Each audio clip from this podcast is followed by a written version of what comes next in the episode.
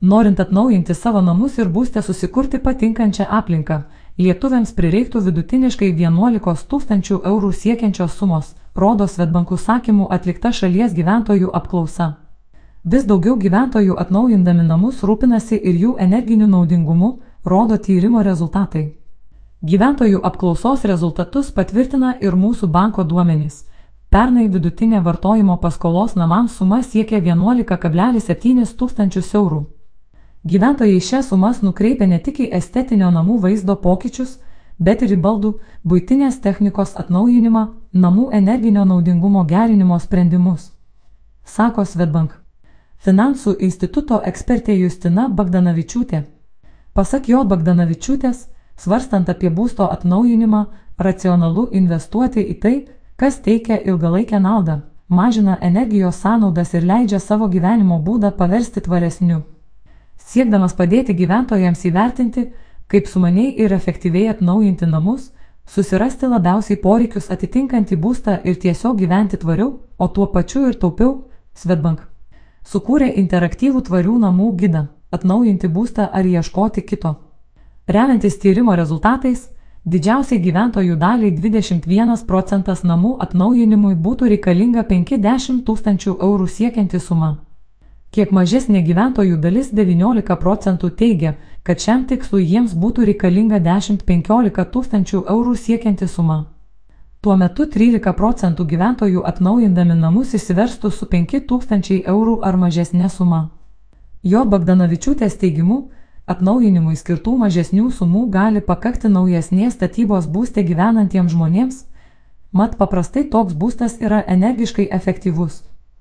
Tad jame dažniausiai aktualus kosmetinis arba tik konkrečių erdvių remontas. Kaip pažymė ekspertė, gyvenantiems senos statybos namuose, kurių atnaujinimui reikalingos didelės investicijos, gali būti racionaliau svarstyti ne apie atnaujinimą, bet apie galimybę parduoti esamą būstą ir persikelti į mažesnį, bet energiškai efektyvesnį. Anksčiau mūsų atliktas tyrimas parodė, kad lietuviai nebesirenka būsto visam gyvenimui. Ko ne pusė arba 49 procentai gyventojų teigia esantis linkę pakeisti esamą būstą. Jei šis ims netitikti poreikių, neadekvačiai didelės sąnaudos energiniams ištekliams bei itin brangaus būsto atnaujinimo perspektyva gali tapti rimta dingstimi apgalvoti tokius pokyčius. Ypač tais atvejais, kai vaikus užauginusiems tėvams išlaikyti individualų namą ar didelio ploto būtą tampa paprasčiausiai neracionalu, sako J. Bagdanavičiūtė, daugėja siekiančių energinio naudingumo gerinimo. Kaip rodo Svetbank duomenys, vis daugiau gyventojų skolinasi namų energinio naudingumo didinimui. Pernai, palyginti su 2021 metais, gyventojams suteikto finansavimo saulės elektrinėms ir energijos efektyvumą didinantiems sprendimams suma augo 8 kartus.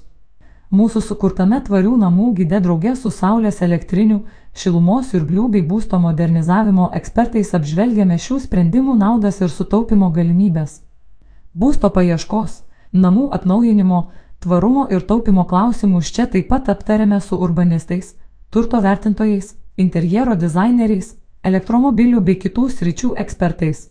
Komentuoja J. Bagdanavičiūtė.